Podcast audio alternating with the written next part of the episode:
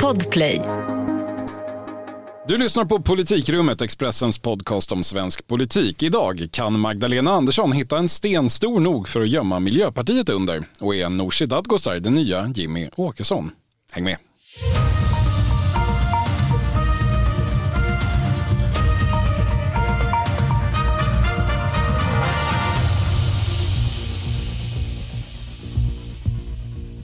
Det är tisdag den 8 februari och Politikrummet håller sitt 18 sammanträde. Närvarande idag Filippa Rogvall. Hej. Thomas Nordenskjöld. Ja, hallå. Vi var alla i farten sent igår kväll. Då ordnades nämligen valårets första stora tv-debatt mellan riksdagens partiledare. Ämnena var klimat och energi respektive kriminalitet och det var TV4 som var scenen men det var som vanligt Ebba Busch som satte tonen. Det är dyrt att vara svensk idag. Det har blivit för dyrt att vara svensk idag. Det är dyrt att tanka bilen, det är dyrt att värma huset och nu varslar till exempel Scan om att man har fått 25 procent upp i transport och drivmedelspriser, 80-90 procent upp i elkostnader. Och vad mamma Scan då säger det är att vi riskerar att också få en situation där falukorv och köttbullar blir alldeles för dyrt. Ja, det märks att det är valrörelse på gång hörni. Ja, hon går på ganska hårt. Jag tänkte bara på den personen som snörvlade i bakgrunden. Jag vet inte vem som var skyldig. Nej, det var, det var någon som hade symptom, men det är många av dem som har haft corona i närtid. Ja, så det är det, lugnt. det kanske är långtidscovid på någon. Eh, jag reagerade kanske mest på att hon pratar om mamma Scan som om det var en sån här kämpande kvinnlig egenföretagare i glesbygd som Annie Lööf brukar träffa och inte liksom ett varumärke från en eh, gigantisk köttkoncern. Men allt är tillåtet, i alla fall för Ebba Busch. Ja, det blev ju ett par, hon gick ju på hårt flera gånger och eh, hamnade i rätt tuffa replikskiften också med Magdalena Andersson. Man kan ju konstatera, tycker jag, att eh, som ledare för ett 5 parti med en väldigt stark anhängarskara till höger så, är det, ja, så kan man gå på rätt hårt. Hon har väl inte heller ambitionen att locka väljare över blockgränsen utan snarare att entusiasmera de redan eh, inbitna fansen. Ja, det kan vara olika roller som är, som är rätt i, i den här typen av debatt medan Ulf Kristersson kanske inte skulle gynnas av att gå på på samma sätt. Nej, men de har ju det här liksom att de måste mer vara, vara mer statsmannamässiga och då attrahera också de här väljarna som står och väger såklart då mellan regeringsalternativen. Som söker en vuxen i rummet. Jag tyckte man märkte det också på de här reglerna, 30 sekunder som man hade på sig att prata. Hon var ju den enda som konsekvent bröt mot det och lyckades att inte liksom prata i mun på folk ändå. Nej, det är någonting med auktoriteten där som gör att programledarna glömmer bort att säga till och de andra bara förhåller sig. Men det var också kanske tur att någon ibland bröt mot dem för det, blev ju, det blir ju väldigt, det är ju svårt med åtta partier som ska prata och sen så ska man för- liksom fördela ordet och så här, det måste ju få bli replikskiften annars så, så funkar det ju inte. Ja, jag satt ju i Expressens chatt och det var en del kritik mot det här formatet. Det var en hönsgård tyckte många av våra läsare i alla fall. Det brukar eh, förekomma den typen av kritik i, i, i sådana här sammanhang. Men det, det, alltså jag tror det, ytterst är det väl svenska folkets fel som har envisats med att rösta in åtta partier. Det, det, det sätter ju tv-kanalerna i en rätt hopplös Jag ska situation. svara det nästa gång. Ja, säg det. Ta, ta ditt ansvar väljare. Nyamko Sabuni annars hade ju förväntningar på sig eller, eller att man Ganska lågt ställda förväntningar. Ja, men å andra sidan desto större förhoppningar kanske. För Liberalerna vill ju desperat gärna att hon ska bli den här valrörelsens raket. Ingenting har ju tytt på det hittills när det kommer till just tv-debatter där hon har tenderat att komma bort helt. Jag tyckte att det gick bättre igår. Ja, men alltså bland borgerliga företrädare på Twitter så var ju folk helt lyriska och eh, det kanske säger någonting om att hon hade mycket på spel men hon förlorade inte heller debatten eh, och gjorde oväntat bra ifrån sig. Ja, vi, vi, vi gör ju såna här snabbmätningar tillsammans med Sifo efter debatten och där, eh, det var, det var ingen topplacering men det var ett ovanligt... Inte sist i alla fall. Nej, heller. men det var ett ovanligt, en ovanligt hög siffra i alla fall. Ja, men hon tillhörde ju, alltså, det man kan säga om SIFO-mätningen var ju att det var generellt ganska höga betyg och där hamnade hon i den mittenfåran då med 3,43 av 5. Den Klart som bra. skiljer ut sig negativt var väl snarare Märta Stenevi på 2,67 av fem Och då tillhör hon liksom en, en kategori för sig där. Ja, men hon har ju liksom tidigare haft Sabon ibland haft för- liksom förmågan att eh, inte hinna komma till saken innan ordet går vidare och hamna fel. Det gjorde hon inte här utan hon, hon lyckades komma till saken. Och en annan intressant reflektion tycker jag med, med, med Saboni är möjligen det här med att hon inte, hon söker ju, eh, och en skillnad då mot Stenevi i Miljöpartiet är att hon söker ingen som helst konflikt med Moderaterna utan går ju på stenhårt mot eh, ja, men Socialdemokraterna, Miljöpartiet och, och Sen Vänstern var det väl två tacksamma ämnen för Saboni. Det sa hon ju redan på väg in att det var energifrågan och det var brott och straff. Hon var väldigt tydlig med att eh, knyta an till Jan Björklunds arv. Det var lite fint, så här, fred i vår tid i Liberalerna. För hon var noga med att påpeka att Liberalerna är det enda parti som alltid har varnat för rysk gas. Och vem gjorde det? Jo, det var Jan Björklunds stora paradnummer i alla partiledardebatter under större delen av 2000-talet. Det där säget har dykt upp på flera ställen nu på sista tiden. Men ja, det är väl för att energifrågan är på tapeten. Ja, men det är för att nu är det plötsligt så att alla pratar om rysk gas och problemet med att vara beroende av rysk gas i förhållande till, till eh, aggressionen mot Ukraina, i förhållande till elpriserna i Europa. Och Jan Björklund stod ju där i 12 år och, och tjatade i varenda debatt om att det finns två problem med rysk gas. Det ena är att den är rysk och det andra att det är gas, eller om det var tvärtom. Det är gas gas och att den är rysk. Och det där skrattade ju folk åt, precis som när han sa att han skulle upprusta Gotland. Men det finns ju faktiskt några punkter där Jan Björklund verkligen, där historien har gett honom rätt. Men kan hon ta cred för det nu då? Ja, hon nämner ju inte, hon creddar inte Jan Björklund. Hon, inte vid namn, men, men... Hon är ju noga med att säga att partiet har fått rätt, men hon och hennes anhängare som ändå var, då, var de som avsatte Björklund, de har lite svårt att, att credda honom för det. Som sagt, fred i vår tid i de liberala slitningarna. Nooshi Dadgostar, ska vi säga, från Vänsterpartiet var ju också på hugget. Vi ska lyssna lite på det. Alltså om vi bara skulle försörja oss själva så hade vi kunnat göra det. Men eftersom den här regeringen har kopplat ihop oss med hela EU så höjs priserna. Så nu har ju Ulf Kristersson och Magdalena Andersson satt sig i knät på Vladimir Putin och vädjar om hans gas. Ja, det var hårda ord. Hon hade bestämt sig, Dagostar, för att prata om vådan med att exportera el till resten av Europa. Och eh, det gjorde hon, vad frågan än var. Eh, och här var det ju skarpa tongångar mot både högersidan och den socialdemokratiska sidan och det var lite signifikativt. Ja, men man har verkligen valt att, att, gå på det här spåret med att kapa kablar och det är lite så antiglobalistiskt budskap. Jag vet inte om det är en framgångsrik väg för Vänsterpartiet men uppenbarligen har man ju valt en mer vänsterpopulistisk ingång, eh, vilket många debattörer också har legat på för att de ska välja. Ja, det var, det, den, är, den är onekligen egen och det, jag tycker det är lite intressant hur Vänsterpartiet försöker, det är inte första gången, den här gången var det tydligare än vanligt, men Vänsterpartiet har ju försökt jobba in att man ska se på det, det, nya politiska landskapet som att det finns två block. Det högerkonservativa, de där fyra partierna. Och sen finns det januariblocket, sossarna, Centern, Miljöpartiet som har drivit den här dumma nyliberala politiken den här mandatperioden. Och så finns det det tredje blocket, Vänsterpartiet, som står och dömer ut båda alternativen och vill fånga upp alla som är, tycker att saker och ting är fel. Nu när SD har blivit en del av etablissemanget. Exakt, Nooshi Dadgostar håller på att försöka liksom ta rollen som Jimmy Åkesson hade i så många år. Det nya som, missnöjespartiet. Ja, alltså som den här i debatterna recensenten av de här som har eh, turats om att förstöra Sverige och alla som tycker att, eh, ja vi håller med båda när de säger att båda har fel, kom till oss istället jag vet inte om det är en helt framkomlig väg. Vänsterpartiet är ju inte helt, har inte varit lika utestängda ur samhällsutvecklingen som, som SD var. Men, eh, Nej, men det, är intressant. det blir väldigt intressant att se hur, det liksom, hur den här strategin hur det kommer spela ut i opinionen och så, om det kommer fungera. Jag menar, Vänsterpartiet har ju, jag menar, de är uppe och nosar på 10 procent och jag tror att inom S så, jag menar, man vet ju att det, det, väljarna rör sig ganska mycket mellan Socialdemokraterna och Vänstern och eh,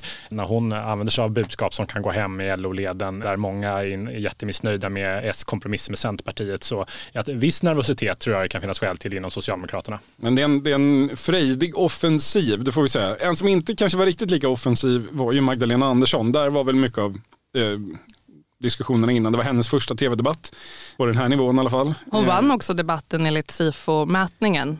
Det gjorde hon ja. Vilket man, jag vet inte, det var ju väldigt brukade... jämnt i toppen mellan Andersson, Kristersson och Bush.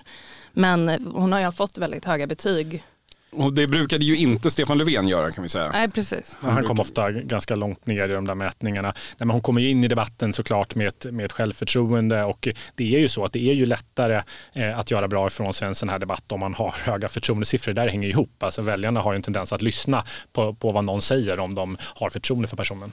Ja, men man minns ju inte riktigt några sådana one-liners från henne i debatten. Det var något om att Moderaterna manipulerade bilder av vindkraft. Ja, det, det, var en grej som var stor på Twitter för några dagar sedan som jag tror att man kanske tillmätte lite för stort genomslag i Socialdemokraterna. Jag tror det blev obegripligt för 98 procent av de som tittade ja. på det i alla fall. Men, eh, jag tycker lite så här, jag tycker hon liksom, det är ändå lite intressant. Hon intar ju liksom en, jag tycker lite då, de här frågorna som diskuterades där igår då bland annat kärnkraften var ju ett stort debattämne och är det nu rent generellt så intar, intar ju hon en lite förvånansvärt skeptisk hållning, en mer skeptisk hållning till kärnkraften än hon kanske skulle behöva göra. Många partier skulle nog liksom kunna tror jag, tycka att hon kan mer hålla öppet för ny kärnkraft till exempel. Men hon är ju, in, hon är ju mot kärnkraft. Ja, men jag tror att hon är... Det, Personligen? Är, ja, jag tror att det är liksom, ja, men precis så tror jag att det är. Att det, det är mer, mer som kommer fram här än till, till skillnad från Stefan Löfven som egentligen i grunden var för men tvingades kompromissa med Miljöpartiet. Men samma när gruvor kom på tal så var det lite intressant. Nooshi Dadgostar, hon, hon lät ju mer, social, mer som en gråsosse än Magdalena Andersson själv som började prata om miljöhänsyn och sånt. Det är ju lite intressant, vi,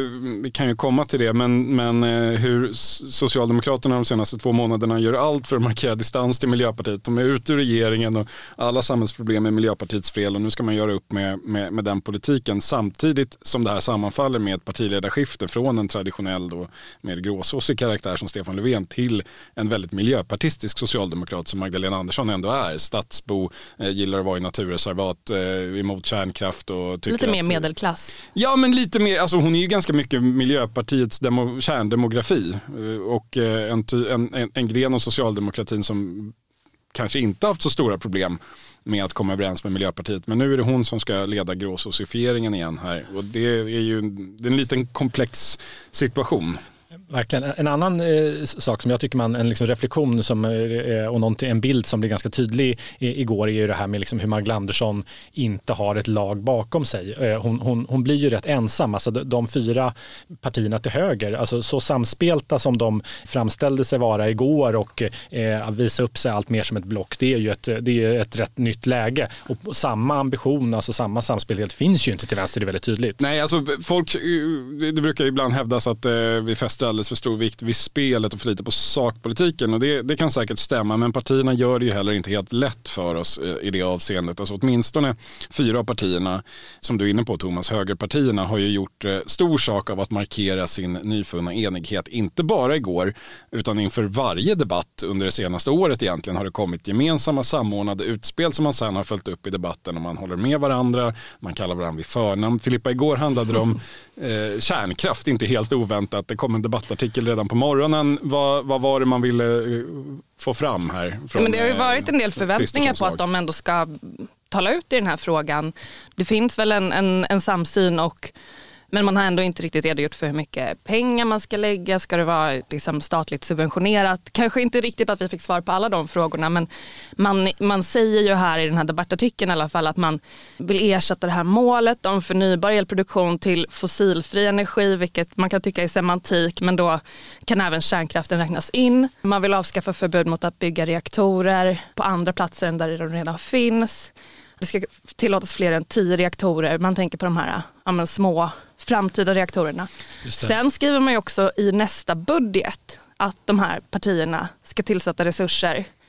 Eh, och då har ju liksom det väckt frågetecken såg jag i sociala medier om så här, men är man överens nu om hur budgetsamarbetet ska gå till på den här sidan blockgränsen. Men i alla fall överens om att eh, någonstans finns väl enighet om att man kommer behöva allas, all, alla fyra partier måste stå bakom en budget för att den ska gå igenom. Och alla fyra partierna är ju kärnkraftspositiva i grunden i alla fall. Ja, det var det, ganska lågt hängande frukt detta kan man väl säga. Den absolut lägst hängande frukten. Och kanske det den... finns ju områden där de inte är överens. De har väl kanske haft lite tur med debatt ämnena. Eh. På, på, så sätt skulle man absolut kunna säga det, ja. Det, det, det, det, ser ut att bli en, åtminstone delvis en folkomröstning om kärnkraft på det sättet.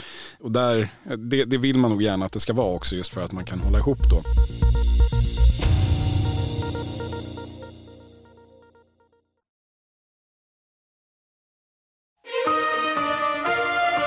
kontrasten blir då väldigt stor mot den då andra sidan som ju inte alls är samordnad. Thomas, hur ser man på det egentligen? Det, det, blir ju väldigt tydligt i en debatt som den igår att eh, Socialdemokraterna och Centerpartiet står och pratar om breda överenskommelser. De fyra till höger är helt ointresserade, de vill gå fram med sitt eget. Eh, Miljöpartiet... Eh... Har du också valt att bli egen? Då är det viktigt att skaffa en bra företagsförsäkring. Hos oss är alla småföretag stora och inga frågor för små. Swedeas företagsförsäkring är anpassad för mindre företag och täcker även sånt som din hemförsäkring inte täcker. Gå in på swedea.se företag och jämför själv. Just nu pågår vår stora season sale med fantastiska priser på möbler och inredning. Passa på att fynda till hemmets alla rum, inne som ute, senast den 6 maj. Gör dig redo för sommar. Välkommen till Mio. Har sin kritik, vänstern har sin. Vad, vad gör man med det här? Är man, är man lugn med det? Ja, alltså, det är inte, man kan väl börja med att konstatera att det inte är en ny situation för Socialdemokraterna. De är ganska vana vid detta. Alltså, det, historiskt har de i val efter val gått fram på egen hand, eh, dock ofta med kanske 45, närmare 50 procent om man ser historiskt i, i ryggen, eh, inte 28 procent eller vad de nu ligger på, 28-30. Så det, det är något nytt. Men, nej, men jag tycker att man, när man pratar med ledande S-företrädare så är det ganska intressant. Jag har liksom sjunkit in nu det här med Miljöpartiets stora eh, impopularitet i, liksom, brett i väljarkåren men även långt in i S-leden och den socialdemokratiska basen. Och eh, det är tydligt att den, här, den analysen man gör av den här uppgången man har haft i opinionen sedan Magdalena Andersson tog över, ja men dels så pekar man ju så här, ja men det är en Andersson-effekt, ja och så kan det säkert vara. Men man är också väldigt snabb med att konstatera, ja det beror på att Miljöpartiet inte längre är med. Eh, det har man uppenbarligen fångat upp i egna mätningar man gör. Vilket ju är lite spektakulärt egentligen. Eh, hur, hur, hur det kan falla sig så olika. menar, det är två partier, de har suttit i regering ihop i över sju år. Den ledaren för det ena har, har förtroende hos 52 procent och Magdalena Andersson och Märta Stenevi 6 procent. Alltså, det är som att Miljöpartiet har blivit här, svensk politiks Yoko Ono på något sätt. De får skulden för allting som har gått eh, fel. Alltså, allt fel som Socialdemokraterna har gjort i socialdemokratiska väljares ögon var Miljöpartiets fel, precis som eh, ja, Beatles-fansen tycker att eh, Yoko Ono lurade bort John Lennon. Men är det här tacksamt för Socialdemokraterna eller liksom ser man det som ett, ett sänke? Nej, men det är väl liksom, jag tror att de är lite, de vet inte eh, liksom riktigt hur de ska hantera det. Liksom, eh, det är liksom, å ena sidan så är det så att de behöver ha Miljöpartiet kvar i riksdagen, men de, de ser också den här risken att eh, åker Miljöpartiet ur, eh, vilket är ändå ett ganska men, troligt scenario, i alla fall liksom, man kan verkligen inte utesluta det. Men medan då kanske Liberalerna klarar sig kvar, då skulle det verkligen kunna avgöra valet och göra Kristersson till, till statsminister. Så att man behöver Miljöpartiets mandat. Å andra sidan så är man otroligt trötta på dem och man vill för allt i världen inte synas tillsammans med dem. Alltså det är tydligt när man pratar med de här S-strategerna nu som sitter och planerar sin valrörelse. De vill ju helst bara glömma bort Miljöpartiet. Alltså, Miljöpartiet nämns inte i valstrategin överhuvudtaget. Eh, och man vet ju att så här, skulle Magdalena Andersson ge sig ut och eh, ja, men bara visa upp sig eh, eh med eh, Stenevi eller Bolund på någon, i någon turnéutspel eller liknande, men då skulle man direkt tappa ett par procentenheter eh, bedömer man själva. Men kan man jämföra det här med eh, liksom hur Moderaterna har hanterat Liberalerna? Ja, men alltså det, jag tycker så här, de, när man lyssnar in i Moderaterna nu så är det ju tydligt att de, nej men de kommer göra mer gemensamma utspel med Saboni. Det kanske till och med kan bli lite något turnerande tillsammans. Man gör ju inte bedömningen i Moderaterna att det skrämmer bort väljare. Eh, och skulle det möjligtvis skrämma bort väljare så gör man det till kanske Kristdemokraterna och Sverigedemokraterna. Eh, så det, är det vill annat... säga väljarna hamnar då i rätt vågskål ändå. Alltså moderater som inte gillar Liberalerna kommer ändå rösta höger medan socialdemokrater som inte gillar Miljöpartiet riskerar då ur socialdemokratiskt perspektiv att hamna på andra sidan ja, blockgränsen. Hos Moderaterna till exempel. Ja, men precis. Nej, men så det man säger i Socialdemokraterna att det här måste Miljöpartiet fixa själva. Men så säger man också att de är så dåliga så det är ytterst tveksamt men, men, är inte, men är inte det lite, alltså Miljöpartiets sätt att fixa det är ju att hävda sin relevans, ta större plats i debatten och det är väl minst lika problematiskt för Socialdemokraterna då i och med att Miljöpartiet har ju redan hintat ganska tydligt i riktningen att de kommer gå fram och säga att om inte vi är med i regeringen så kommer vi inte att stödja den. Och det, det, det sätter ju saken på sin spets varje gång Miljöpartiet dyker upp i tv. Och det kommer de att göra vad Socialdemokraterna än gör vill jag nog hävdar. Ja, men så kan man väl säga, det tycker jag, liksom, när man ser på debatten igår då så, så är Miljöpartiet framstår som ganska ensamma när det är gruvor på tal och sådär så tycker nästan alla det är bra förutom Miljöpartiet som, som ser massa problem och helst av allt vill bara återvinna gamla metaller och sådär. Men, men att de står sådär, de är liksom relativt ensamma kvar och nu med Vänsterpartiets nya industrivurm och, eh, och så, så, eh, så man kan ju tänka sig att det inte är en helt ota, liksom, otacksam position för Miljöpartiet eh, och där de då eventuellt skulle kunna attrahera en del storstadsväljare väljare som, som står och väger där mellan Vänsterpartiet och Socialdemokraterna och Miljöpartiet. Det är åtminstone liksom en, en position som ingen annan har och som där potentiellt finns några väljare att hämta. Absolut, och det kommer väl snarare skapa mer relevans för Miljöpartiet i valrörelsen kan man ju tänka då också.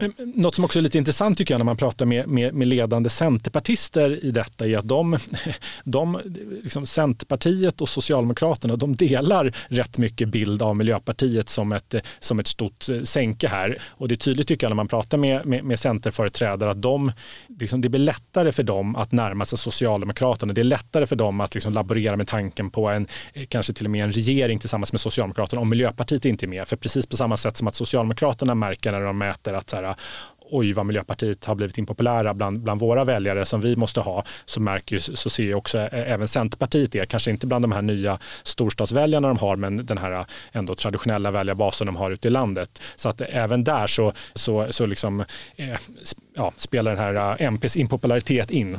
Det, det slutar med en sån här decemberöverenskommelse där blocken kommer överens om att Miljöpartiet ska hållas borta från politiskt inflytande eller något. Det, vi, vi, får väl se. Det, det, jag får en lite så här eh, känsla ändå som från valet 2006. Det här att eh, det sitter en socialdemokratisk enpartiregering som absolut inte vill prata om sin framtida relation till stödpartierna och utmanas av en höger då som bara vill prata om hur enig den är.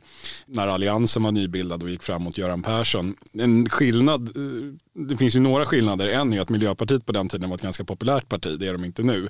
Det andra är att Centerpartiet finns där som en stor, eller krympande, men ändå betydande X-faktor där i mitten.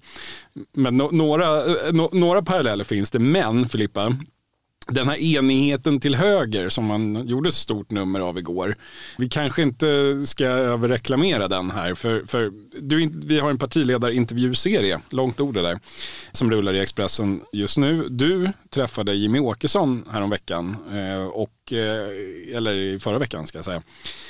Och han sa en del ja, nya saker om, om det där med hur det framtida samarbetet ska se ut som kanske inte var helt i linje med, med, med det vi hörde igår. Nej, men jag tycker att det var intressant för att Jimmie Åkesson säger själv att han tycker att regeringsfrågan och inte minst då hur Sverigedemokraterna ska ställa sig är en av de mest intressanta frågorna i politiken just nu. Och det, det, är väl liksom det enda partiet som tycker det. De andra drar sig mycket för att diskutera vem tar vem och, och sådär det är ganska besvärande för många av dem. Men det är, det är nyhetens behag för Åkesson att någon är, eh, kan överväga att ta honom då. Precis. Nej, men han berättade i den här intervjun att, att de internt i partiet är inne i diskussioner just nu. Liksom, vilken roll ska man ha efter nästa val? Är det bäst att ingå i en regering? Är det bättre att vara regeringsunderlag och få till det här avtalet som han har pratat mycket om? De vill om? väl egentligen, alltså helst av allt skulle de väl, det är i alla fall vad de säger, ingå i en regering men det tycks inte som att de kommer att släppas Precis, in i Precis, och då får man börja öppna upp för andra möjligheter. Och då säger ju han, vilket jag inte hört honom säga riktigt på det här sättet tidigare, eh, att, att de kanske fortsätter ha en helt fri roll som någon slags vågmästare och då kan göra upp både till höger och sen till vänster. Och, och där har man ju en del frågor Eh, sakpolitiska områden där SD står närmare S. Man har liksom a-kassan, sjukförsäkringar, pensioner har varit på tapeten just nu. Även det här elbidraget senast där SD sagt att de ska ställa sig bakom regeringens förslag. Så att, eh, det, ja, men det är liksom, och sen så säger han i den här intervjun att, att det också, den här rollen skulle potentiellt göra det svårare för en regering att tillträda och styra landet i, i fyra år. Så det, frågan är om det är liksom ett hot mot Ulf Kristersson ja, eller om det är en, en lättnad för den sidan. Nej, men det är väl, alltså delvis är det väl ett sätt att sätta press säkert på, på de här eh, övriga borgerliga partierna då, där eh, framförallt Liberalerna eh, håller emot, men även Moderaterna. Där finns det ju liksom en motvilja. Man vill ändå så här, eh, man vill ha deras stöd, man kan förhandla om budgeten, men, men eh, i övrigt vill man ändå hålla dem, hålla dem eh, på avstånd. Men jag, tycker, jag frågade Ulf Kristersson om det där igår på väg in till, till debatten och då så sa ju han glatt att nej, men det är så tolkar inte jag det, utan det, det är bara bra att man, eh, man ser till eh, de parlamentariska förutsättningarna och att vi alla får lära oss att det är, det är riksdagen som, som saker avgörs. Vi får väl se om han är lika glad. För även i, ja. I din intervju med Ulf Kristersson så var ju han öppen också för att leda en enpartiregering, lite som Socialdemokraterna gör nu. Alltså att, ja.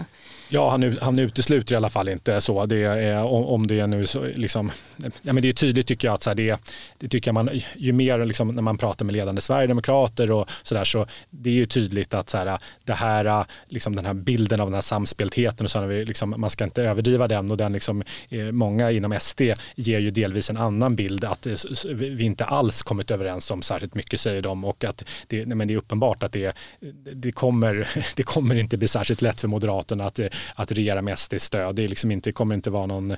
Ja. Det, det, det är ändå lustigt nästan hur, hur det här har svängt. Att Moderaterna har gått från att ta, ja, ta avstånd från Sverigedemokraterna till att eh, vilja ha deras röster men ändå hålla två armlängders avstånd till att nu försöka krama ihjäl dem fullständigt. Att, eh, SD försöker liksom få luft och säga att eh, vi är inte alls överens. Jo, och då säger Moderaterna och lägger sig bara på dem. Och, och på något vis eh, liksom avdramatisera den här konflikten nästan, nästan på ett överdrivet sätt. Kanske funkar, vad vet jag. Jag tror i alla fall att Kristersson och Moderaterna har nog inga som helst problem med om Åkesson skulle vilja ha en fri roll i mitten så länge den grundläggande matematiken, det vill säga att de trycker på en gul knapp och släpper fram en moderat statsminister går i lås. För det är det som Kristersson har tjatat in i många år nu om att det är viktigt att riksdagsmajoriteterna ska, ska avspegla sig i politiken som förs. Det kan han ju inte gärna backa från.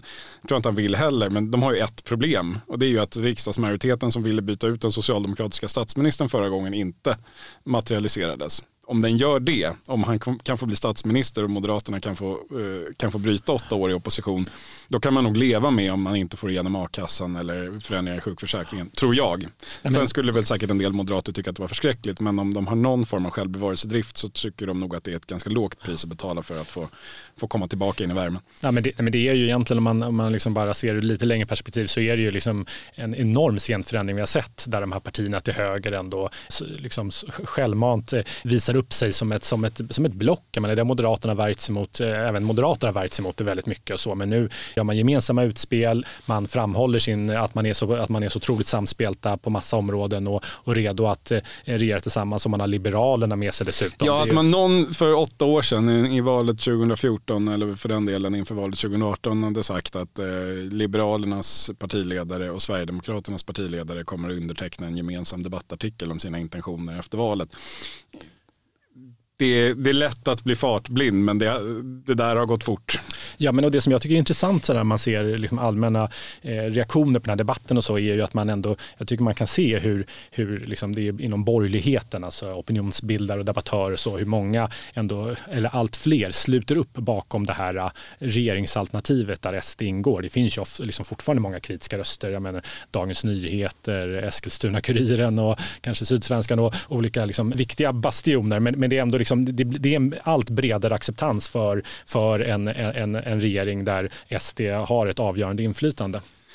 Så är det. Sen får vi se om det någonsin materialiserar sig. Det ska ju till att folk röstar på det sättet och att eh, Centerpartiet och sossarna inte får ihop det till slut då som de eh, kanske ändå eh, tror att de kan ja, få. Nej, men du drog ju parallellerna till valet 2006 men liksom det Socialdemokraterna eh, invända, skulle invända mot det en socialdemokrat, de skulle nog snarare hänvisa till kanske det valet 2010 där då Socialdemokraterna hade ett lag där Vänsterpartiet och Lars Ohly ingick och eh, en sosse skulle nog hävda att, eh, att Åkesson är den nya Ohly och den nya Lars Ohly och de inte kommer klara att vinna de här avgörande mittenväljargrupperna som avgör valet med Åkesson i laget.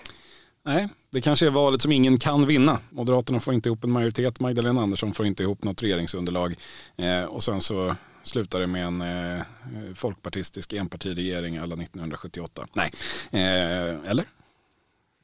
Ja, alltså, ja, just en folkpartistisk enpartiregering framstår så långt borta men, men eh, ja, det, alltså den här regeringsbildningen det tycker jag det, liksom, det hör man när man pratar runt att eh, alla säger ju att det är framförallt de till vänster är så här, hur ska detta lösas, vad svårt det kommer bli. Nej, men det var ju en, en lång kravlista som Jimmy Åkesson hade. Konkreta, gärna färdigutredda förslag innan de trycker på den gröna knappen.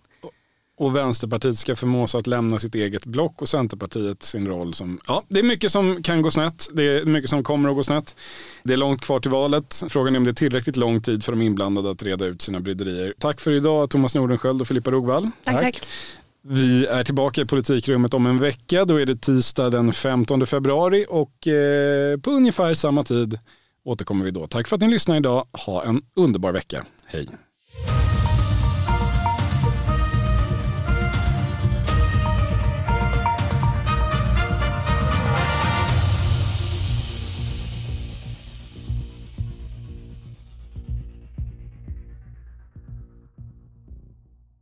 Du har lyssnat på en podcast från Expressen. Ansvarig utgivare Klas Granström. CSRD, ännu en förkortning som väcker känslor hos företagare. Men lugn, våra rådgivare här på PWC har koll på det som din verksamhet berörs av. Från hållbarhetslösningar och nya regelverk till affärsutveckling och ansvarsfulla AI-strategier. Välkommen till PWC.